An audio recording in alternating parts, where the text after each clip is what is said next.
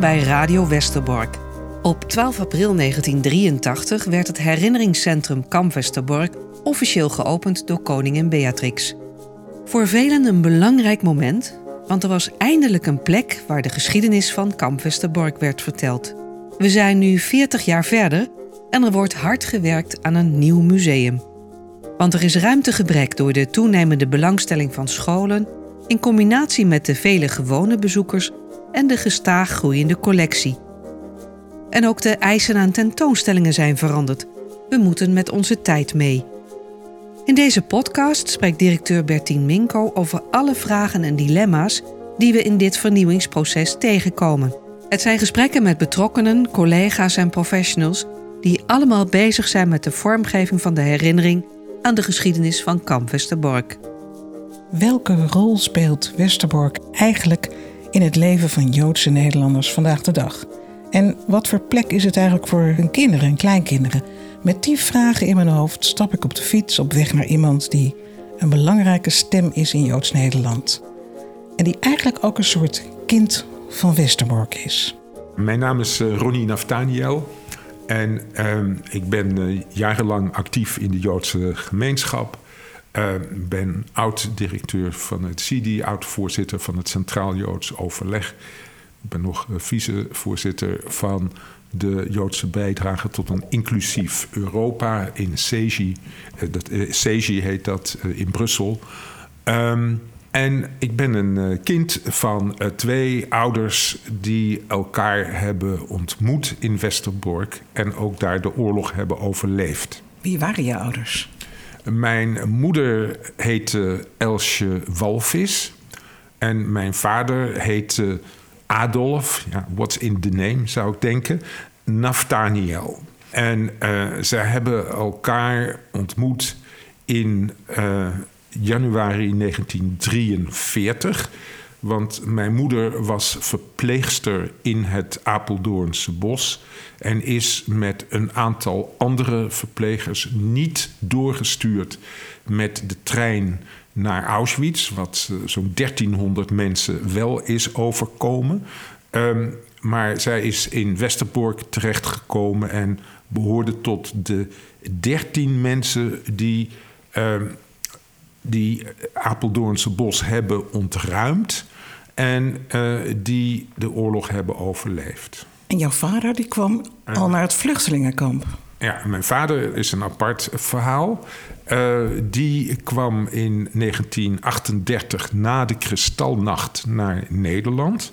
Daar is hij in eerste instantie als ongewenste vluchteling in een, uh, in een cel gesmeten.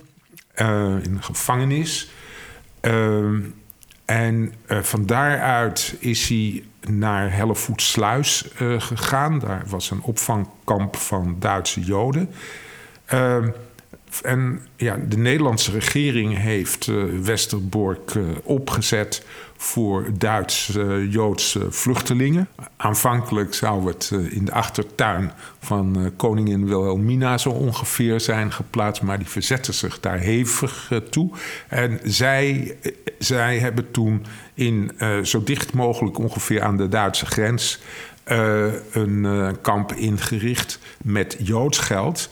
En mijn vader was een van de allereerste uh, die in dat kamp terecht kwam. Hij heeft een agenda bewaard. Ik heb die agenda nog en daar staat in dat hij in januari 1940 aankwam in Westerbork. En heeft ongetwijfeld meegeholpen dat kamp te bouwen. Hij is uh, daar uh, de baas geworden van het magazijn. daar werden goederen uitgedeeld, handdoeken, zeep enzovoort. En de Duitsers hebben toen Nederland bezet werd, de Duitse Joden zoveel mogelijk in die posities gelaten. Dus ook mijn vader. En die is de hele oorlog door, is hij uh, magazijnmeester geweest in Westerbork.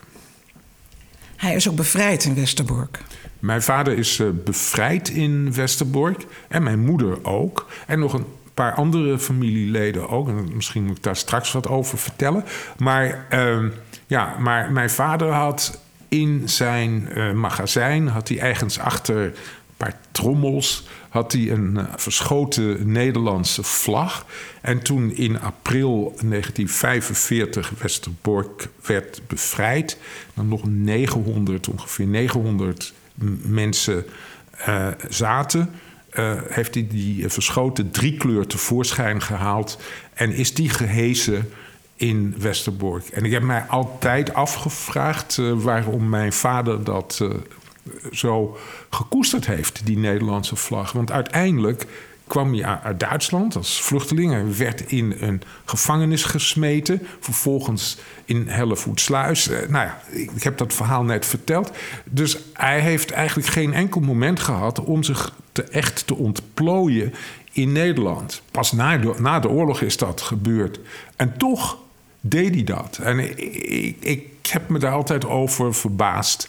Uh, misschien omdat in Hellevoetsluis er wel hele aardige mensen waren. Want uh, daar in dat kamp, uh, daar had je veel bewegingsvrijheid. er werden sportwedstrijden gehouden. Mijn vader was een, een boksfanaat. Was lid geweest van de Judische Boksverein in Berlijn. Uh, dus uh, hij was dan ook vaak uh, scheidsrechter daar.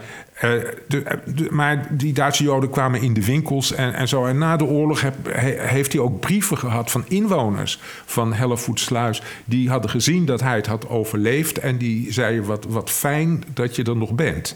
Dus het is, kan zijn dat daar een, een, een band is ontstaan. Uh, maar op zich is het wel vreemd, want hij, hij, is natuurlijk op een echte kille wijze als vluchteling behandeld. Ook na de oorlog neem ik aan, want toen had hij zijn Nederlanderschap had hij natuurlijk ook niet. Dus hij was stateloos. Ja, alle, alle Duitse Joden die waren stateloos. Hij moest dus in dat kamp nog blijven. Uh, er moest ook nog gekeken worden of zijn antecedenten wel in orde waren. Want er waren ook nog wel wat Joden die ja, ze hebben niet meegeholpen met de Duitsers, maar ze hebben zich ook niet gekeerd. Zo'n man als de Joodse kampcommandant werd hij genoemd, Schlesinger. Uh, die is meteen uh, na de bevrijding is hij vertrokken. Is hij uit, uit Westerbork weggegaan en heeft hij het hazenpad eigenlijk uh, gekozen. Dus er moest wel gekeken worden hoe dat zat. Maar mijn vader moest dus ook ja, zijn Nederlanderschap krijgen. En zonder dat kon hij niks. Hij, en dat heeft echt jaren geduurd. En dan moest hij papieren laten zien dat hij ook het verzet een beetje had geholpen enzovoort. En dat had hij ook gedaan. Maar ja, ik bedoel, dat is helemaal niet, niet relevant. Hij was gewoon slachtoffer daar. En toen hij dan uiteindelijk, ik denk in de, in de zomer 45, weg mocht, moest hij ook een verklaring tekenen dat hij vooral niet meer dan een deken en een stukje zeep mocht meenemen in dat kamp, uit dat kamp wat hij met eigen handen had helpen opbouwen. Het probleem was ook dat hij, maar daar heeft hij eigenlijk nooit zoveel over verteld, dat hij met een aantal landverraders samen zat op een gegeven moment. Ik weet niet hoe ze dat gedaan hebben, hoe ze de groepen uit elkaar hebben gehouden, maar het zal geen prettig samenleven zijn geweest. Nee, dat is ook een zwarte periode geweest, denk ik, voor iedereen die daar gezeten heeft. Eh, dat was natuurlijk een ontzettend slecht idee om die mensen bij elkaar te laten zitten. Maar, dat, hij is, dat is zeker heel slecht, maar het is niet uniek. Uh, het is ook gebeurd op, op de Antillen. Uh, daar uh, werden iedereen die Duits was, of Duitse nationaliteit had, werd door de Nederlandse regering gevangen gezet. En daar zaten ook Duitse Joden bij, want die waren ook Duits die, die, die kille ambtenarij, uh, nou ja, dat is echt om, om gek van te worden, lijkt mij. Dat die mensen dat hebben weten te doorstaan, dat is toch wel echt uh, enorm geweest. Nou, die ambtenarij die, die, die blijkt uit alles. Die blijkt voor de oorlog, die blijkt in de oorlog en na de oorlog. En in de oorlog blijkt die doordat mensen uh, naar de gemeenteambtenaren gingen en met uh, vervalste doopbewijzen en certificaten van notarissen dat ze niet joods waren en zo. Uh, en uh, die ambtenaren, nou, er waren natuurlijk best goede ambtenaren die ook waarschuwden enzovoort. Maar een aantal ambtenaren die keken naar die uh, bewijzen en schreven achter de naam van de desbetreffende persoon. Hij zegt wel dat hij niet joods is, maar dat klopt niet. En uh, nou, die mensen zijn allemaal afgevoerd. omdat die ambtenaren zo ontzettend hun best moesten doen om aan te tonen dat wat, wat, wat, die, wat die mensen presenteerden in hun doodsangst, dat dat niet klopte. Na de, na de oorlog heb je natuurlijk de, de, de, de vreselijke, ja, wat, wat door Is Lipschitz aangeduid is als de kleine Shoah, waarbij het adagium van de Nederlandse regering was dat uh, Nederland niet discrimineert. Dat deden de Duitsers. Die maakten verschil tussen Nederlanders en Joden. En, en de Nederlandse regering maakt geen verschil tussen Nederlanders en Joden. Dat was het adagium. Maar discriminatie is niet, het, uh, is niet alleen het ongelijk behandelen van gelijken, maar het is ook het gelijk behandelen van ongelijken. En de Joden hadden zoveel meegemaakt, die hadden zo'n ellende, maar die konden niet rekenen op enige voorkeursbehandeling. Hun huizen werden, werden na jaren teruggegeven, maar dan mochten ze er vaak nog niet wonen, want er zaten de andere families in die huizen. Ja, die kon je er toch niet uitzetten, zelfs al, al waren het foute Nederlanders. Daar hou jij je tot op de dag van vandaag nog intensief mee bezig, hè? Ja, dat doe ik. En, en ik ben af en toe echt verbijsterd. Er komt nu binnenkort een rapport uit van, uh, de, van een aantal steden in uh, Noord-Holland. En daar is één stad bij die ergens in eind 40, dus ik denk 48, 49, opeens tot de conclusie komt dat uh, een aantal Joden zijn afgevoerd door de politie, uit hun huizen zijn gezet. En dat dat de gemeente geld heeft gekost. En dan sturen ze een brief aan de minister van Binnenlandse Zaken of ze dat nog vergoed kunnen krijgen. Wat voor rol speelde Westerbork uh, vroeger in jouw jeugd, zeg maar, bij jullie thuis, bij jouw ouders? Nou ja, mijn ouders spraken er zeker over. Uh, mijn vader wat meer dan mijn moeder. Mijn moeder kon Westerbork eigenlijk slecht verdragen. Zij, haar, haar vader, mijn opa, is uh, vermoord. Uh, is via, via Westerbork naar Auschwitz gestuurd. En mijn moeder zat toen in het Apeldoornse bos en heeft nog een laatste brief van hem gekregen. Een hele aandoenlijke laatste brief die ik nog ook hier heb. waarin hij zegt: Ja, ik ben nooit echt in het buitenland geweest, maar ik ga nu werken. En ja, dan leer ik nog eens een beetje uh, kennen wat daar allemaal gebeurt. En um, zij kon ook dus niet tegen die regelmaat van die treinen. Op een gegeven moment is zij ook in zo'n trein meegegaan. Ze is erin gestapt. Maar goed, daar vertel ik zo nog wel wat over. Mijn vader, uh, die, ja, die, die stond er afstandelijker tegenover. Althans, naar mij toe en naar, naar anderen toe. Hij wou ook niet heel graag over die oorlog praten. En als hij over die oorlog sprak, dan sprak hij toch nog over de positieve dingen. Maar één ding zei, eh, twee dingen zei hij. Hij zei dat de Nederlandse bewakers in Westerbork vele malen vreder waren dan de Duitse. En hij zei ook dat, um, dat ze zetten honden bijvoorbeeld tegen de Joodse gevangenen in. En dat deden de Duitsers eh, niet. Althans, eh, die, die waren ordelijker. Dat, dat deden ze niet zomaar. Maar die, het sadisme was, was groot. Um, en het tweede was dat hij had geleerd dat je je nooit uh, als vrijwilliger ergens voor moest opgeven. Want als je dat deed, dan kon dat zomaar het einde betekenen. Dus dat was een les die hij aan mij heeft meegegeven... waar ik me nooit iets van heb aangetrokken. Maar het is er wel een die is blijven hangen.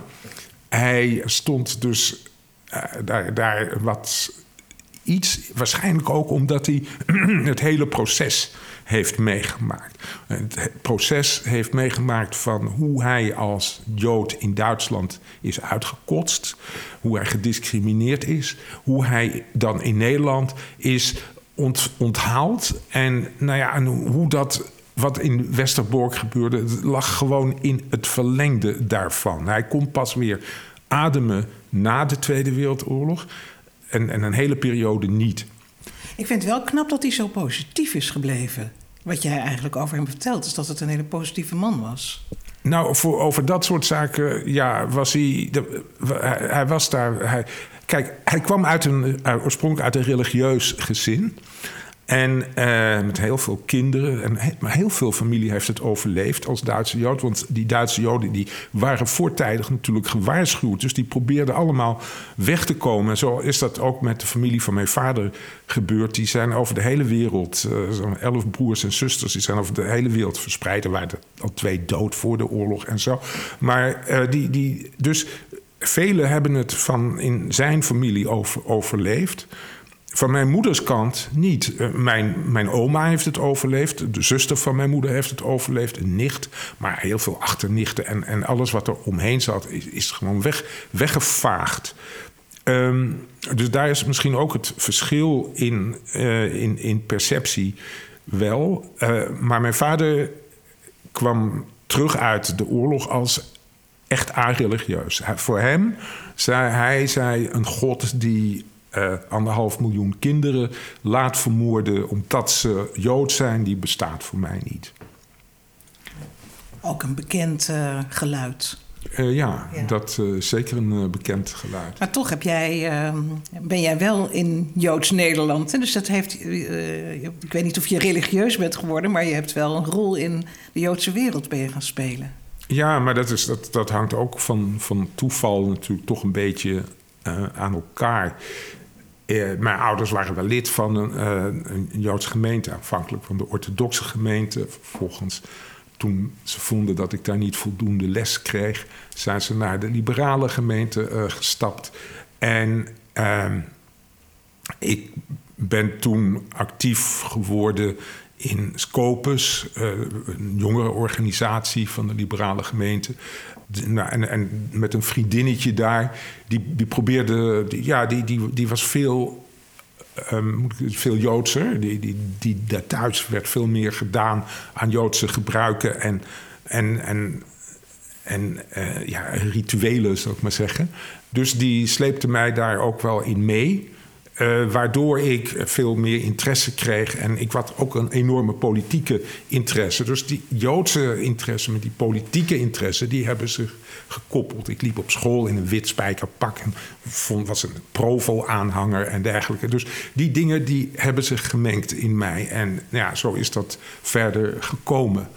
Maar ik heb dus niet zozeer die angst van mijn vader meegekregen voor de, de, de foute buitenwereld. Mijn moeder wel. Mijn, mijn moeder zei het kan zich altijd zo weer herhalen. Die geloofde er niet in. Mijn moeder had ook na oorlogservaring dat ze een keer in een. Het was ook een 45 in een vrachtwagen lifte. En dat die chauffeur van die vrachtwagen die zei van... hey, bent u Joods? Ja, zei mijn moeder, ik uh, ben Joods. Je ziet ze toch altijd weer de kop opsteken. Dat was uh, een van, van de reacties. Ja. Nou, dat klinkt niet fijn. Nee. nee. Uh, wat voor rol speelt Westerbork in het leven van jouw kinderen en kleinkinderen? Nou, niet zo groot. Uh, gek genoeg. Um, ik heb verschillende keren wel geprobeerd om ze daar een keer naartoe te krijgen. Ik ben er zelf twee keer geweest. Dat is ook niet zo heel erg veel. Eén keer met mijn moeder. Die, die komt daar niet tegen. Maar uh, mijn kinderen die heb ik nog nooit uh, kunnen overhalen om er naartoe te gaan. Met de kinderen van nicht van mij wilde ik met een busje met de hele familie gaan. Um, en dan, nou ja, dan zegt één, één kind zegt van ik ga liever met mijn kinderen weer. Uh, ik wil dat niet in zo'n grote groep. Um, op een of andere manier is er wel de bereidheid en de nieuwsgierigheid om te weten wat daar gebeurd is. Want zeker mijn kleinkinderen die zijn ook geïnteresseerd daarin.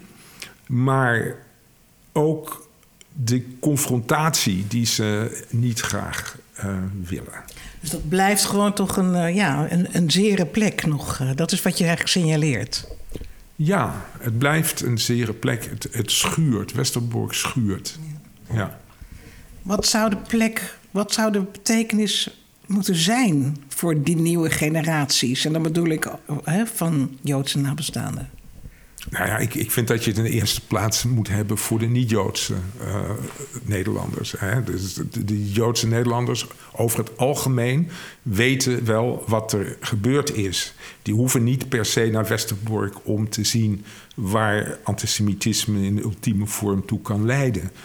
Uh, maar de Nederlandse bevolking in zijn algemeenheid moet daar wel naartoe. En het zou heel mooi zijn als daarbij Joodse Nederlanders en jongeren ook zouden kunnen helpen om ze te zeggen: kijk, hier zijn wij, we leven voort, we zijn er nog. We hebben, uh, wij, wij hebben een lange traditie in dit land, maar ook een lange, er is ook een lange traditie van antisemitisme. Westerbork is wel een dieptepunt, maar uh, antisemitisme is er ook nu nog.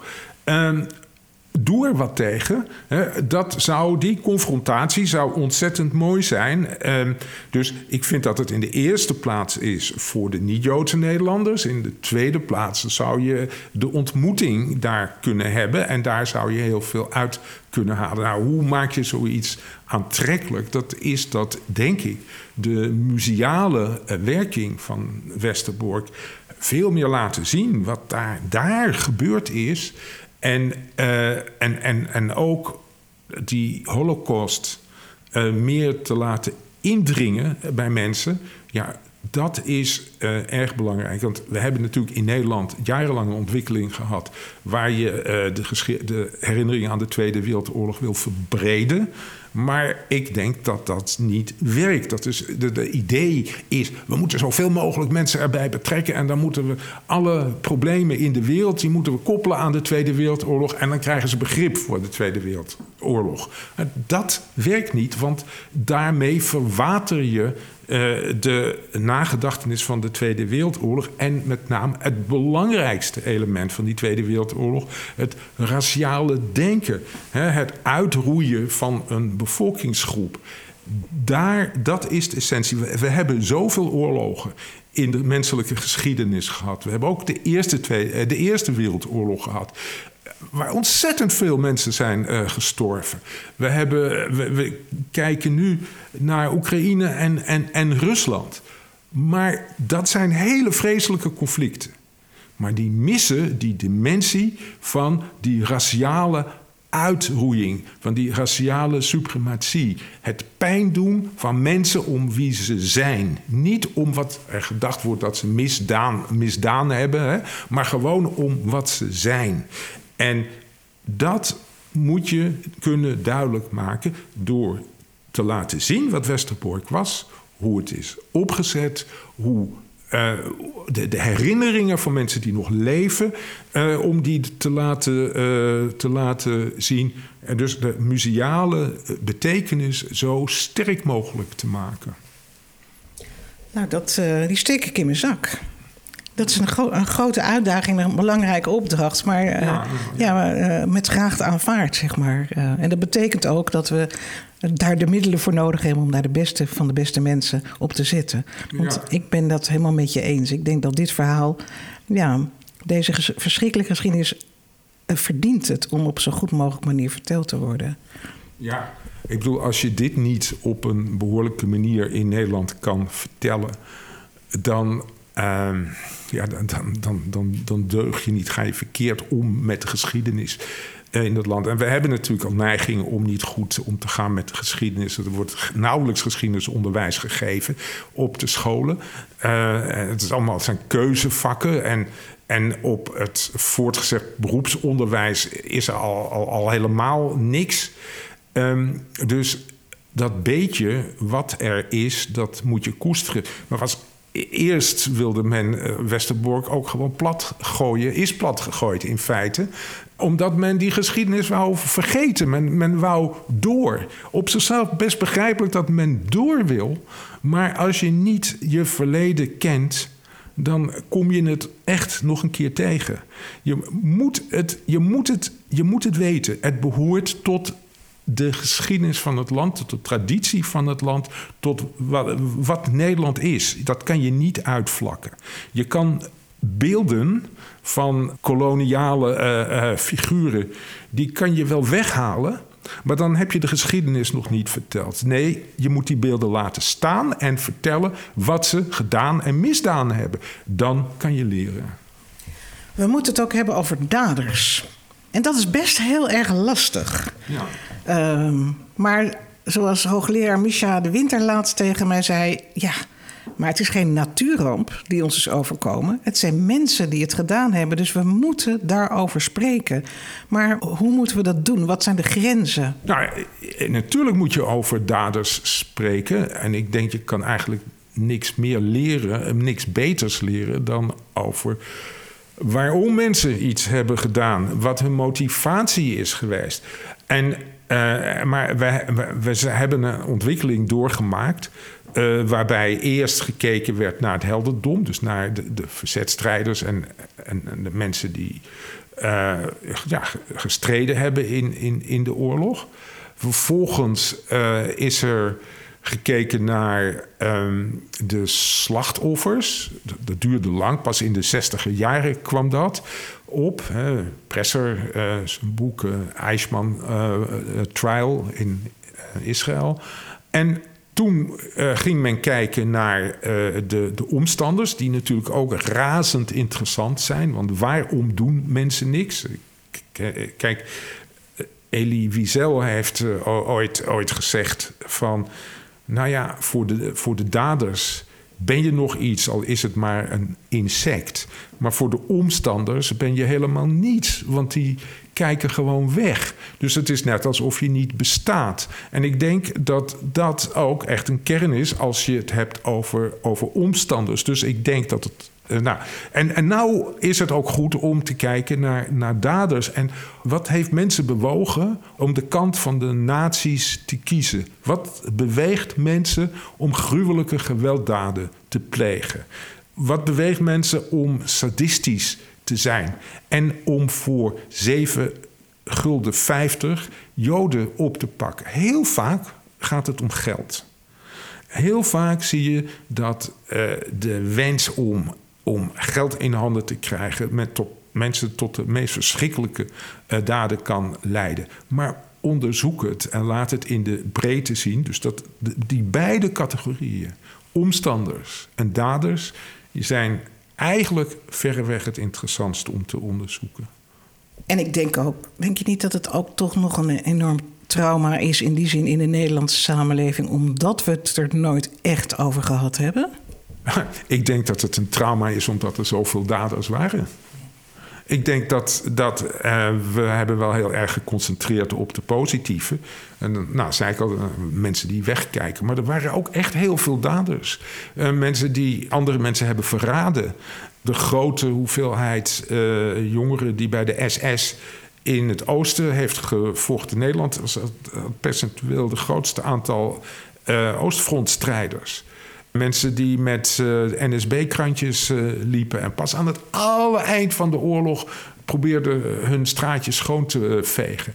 Dus laten we, daar, laten we daar vooral goed naar kijken. Het rare is dat in een aantal landen, en ook wel soms in Nederland, er daders waren die helemaal niet zo slecht waren, hè, die ook nog humaan konden zijn. Maar die, waren, die zijn er vrij, vrij zeldzaam. Zo, zo iemand als Kalmeijer was natuurlijk een, toch een nationaal socialist. Hoewel dat ook niet helemaal zeker is, want hij was voor de oorlog lid van de Communistische Partij. Maar hij deed mee aan het uh, apparaat. Maar probeerde binnen het kader waarin hij zat om zoveel mogelijk Joden een vrijstelling te bezorgen, zodat ze niet weg hoefden te, te gaan. Er zijn er andere voorbeelden van soldaten, militairen die huiszoekingen deden en dan wegkeken als ze toch onderduikers ontdekten. Die, die waren er. Dus wat, wat iemand drijft om mee te doen, dat kan vaak geld zijn. Hè? Eh, en, en misschien aanzien ook nog. Maar dan is er nog een fase, heeft hij een hart? Als hij een situatie ontdekt waar hij weet dat de ander wordt opgepakt, in elkaar geslagen, naar het oosten getransporteerd, heeft hij een hart om te kijken wat hij binnen zijn kader nog kan doen. nou, dat zijn allemaal hele interessante vragen uh, die je moet oplossen. En ik vrees dat in Nederland heel weinig mensen binnen het kader waarin ze zaten iets hebben gedaan voor de Joodse gemeenschap. Ik wil toch nog even terug naar het heden. Uh, en ook naar de gelaagde geschiedenis van het terrein. Hè? Het was eerst vluchtelingenkamp. Toen was het deportatiekamp. Toen is het een interneringskamp voor NSB'ers geweest. Daarna nog kort militair opvangkamp, repatriëring voor Indische Nederlanders. En toen meer dan twintig jaar uh, ja, zijn de Molukkers daar neergezet. Uh, wij hebben de opdracht vanuit VWS om de geschiedenis van het kamp te vertellen. En dus van de gelaagde geschiedenis. Hoe vind je dat we daarmee om moeten gaan? Nou, ik denk dat die geschiedenis zeker verteld moet worden. Ik denk ook dat er zo af en toe een tentoonstelling moet zijn over de Molukkers. Ik kan me zo voorstellen, maar ik, ik ga helemaal op jouw stoel zitten. Doe maar even. Nou ja, ik bedoel, ik kan me zo voorstellen dat de kern van de tentoonstelling is, is Westerbork als portaal tot de vernietiging. Maar daaromheen is er het nodige ook te vertellen. Er is bijvoorbeeld ook te vertellen over de dorpen eromheen. Hoe hebben die zich eigenlijk eh, eh, gedragen? Maar de Molukkers is natuurlijk een, een, een heel aanwezig uh, element. En uh, het is natuurlijk een, een bare schande dat uh, de Nederlandse regering eerst de Joden in, in zo'n afgelegen oord he, heeft neergezet, maar vervolgens ook nog eens de Molukkers naar alle ellende die de Joden is overkomen. Dus het laat iets zien van het vluchtelingenbeleid in Nederland. De notabene mensen die zich hebben ingezet vaak voor het Nederlandse leger in Indonesië. Of je nou wel of niet daar uh, sympathie mee hebt, maar ze hebben zich voor Nederland ingezet. En je stopt dan niet mensen in het portaal van de hel. En zo is het wel gebeurd. Dus ik denk dat je dat moet laten zien. De vraag is wel hoe je dat moet laten zien. En ik denk dat je dan zo af en toe een tentoonstelling moet laten zien. En misschien moet er ook ergens in de, in de tentoonstelling staan, gewoon dat daarna het ook voor uh, Molukkers is gebruikt. Dat maakt het verhaal eigenlijk alleen nog maar sterker. Maar de kern moet toch zijn dat het van vluchtelingenkamp voor Duitse Joden is omgebouwd tot uh, het, nou, wat ik zei, het portaal van de hel, een vernietigingsmechanisme. Ja. Waarin de transporten eigenlijk uh, ja, misschien wel de kern waren. Hè? Eigenlijk was het een station. Die treinen zijn natuurlijk, ja, die treinen, de, hele, het hele systeem, het hele, eigenlijk ook de hele maskerade, hoe dat uh, daar werd uh, uh, opgezet. vooral om de mensen niet te laten merken dat ze de dood ingingen. Maar uiteindelijk begrijp je niet hoe zinnig denkende mensen kunnen geloven dat als, je, als zo'n trein vertrekt met 90-jarige uh, eh, mensen die nauwelijks kunnen lopen, met baby's die niet kunnen werken, dat ze dan naar het oosten zouden gaan om daar te moeten werken. En, en, en toch werd die illusie uh, over, overeind gehouden. Ook dat is een onderwerp waar je naar zou moeten kijken. De psychologische uh, elementen, hoe, mensen in normale leven zouden ze nooit geloven, zoiets. Maar is het hoop dat het hun niet overkomt? Nou, sommigen uh, wisten wel wat er, wat er gebeurde. Uh, en ik ben er ook van overtuigd dat Gemmeker het wist. Ondanks publicaties erover. Mijn vader zei dat hij het ook wist, wat er uh, gebeurde. En uh, dat is ook de reden waarom hij mijn moeder uit, uit die trein heeft gehaald. Wat een trauma bij ons geweest is thuis. Want we hebben het dan over hoe dat is geweest. Maar als mijn ouders ruzie hadden, dan zei mijn moeder van... waarom heb jij mij het leven gered? Ja. Dus dat, dat, dat, is, dat, dat is, een, is een, echt een, een, een trauma bij mijn moeder zeker geweest. Want het verhaal is, jouw moeder is in die trein gestapt op een dag omdat ze daar helemaal genoeg van had, van die spanning. Ja, ja. Ze, ze, had ze geloof ik, ik weet dat niet helemaal precies, maar ik geloof dat ze zich zelfs vrijwillig heeft laten registreren. Want dat, je kon niet zomaar, eh, ja, daar ze konden wel iemand zo hupsakee in die trein kieperen. Maar dat, um, over het algemeen ging dat via oproepen. Hè? Dat weet jij ook. Uh, dat, uh, ja. Dus uh, ik denk dat ze zich heeft laten registreren. Zat ze in de trein. Mijn vader kreeg daar lucht van. Die heeft haar uit die trein gehaald. En hoogstwaarschijnlijk is daarvoor een ander in de plaats gegaan. En dat is, uh, ja, dat is traumatisch natuurlijk. Dat, dat kan je je voorstellen. Uh, nou ja.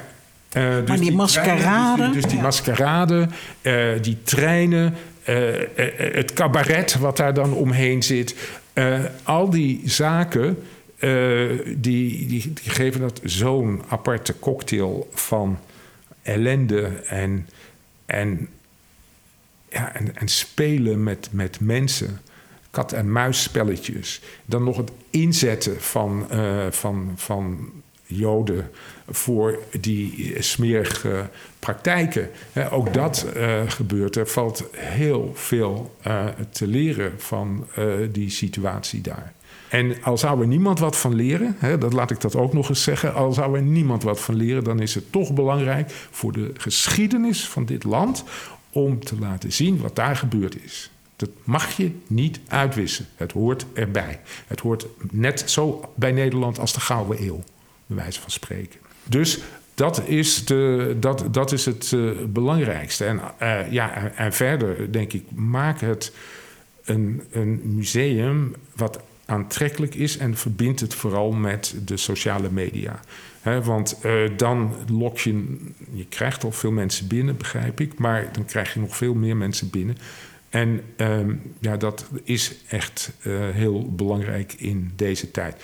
En dan, ja, dan, dan zeg ik van, nou, dat is misschien belangrijk ook in de strijd tegen antisemitisme. Maar ik denk dat alle andere uh, groeperingen die potentieel uh, slachtoffer van discriminatie zijn, veel meer eraan hebben als Westerbork geconcentreerd is op wat daar gebeurd is met de Joodse bevolking, omdat ze daar kunnen zien wat racisme in ultieme vorm kan betekenen, dan al het verdunnen van uh, die boodschap en mensen erbij halen. Dankjewel. Met een hoofd vol verhalen en gedachten ga ik verder. Verder op mijn tocht, waarin ik mensen tegen ga komen met wie ik zal praten over de toekomst van het herinneringscentrum Kamp Westerbork, over de toekomst van onze geschiedenis.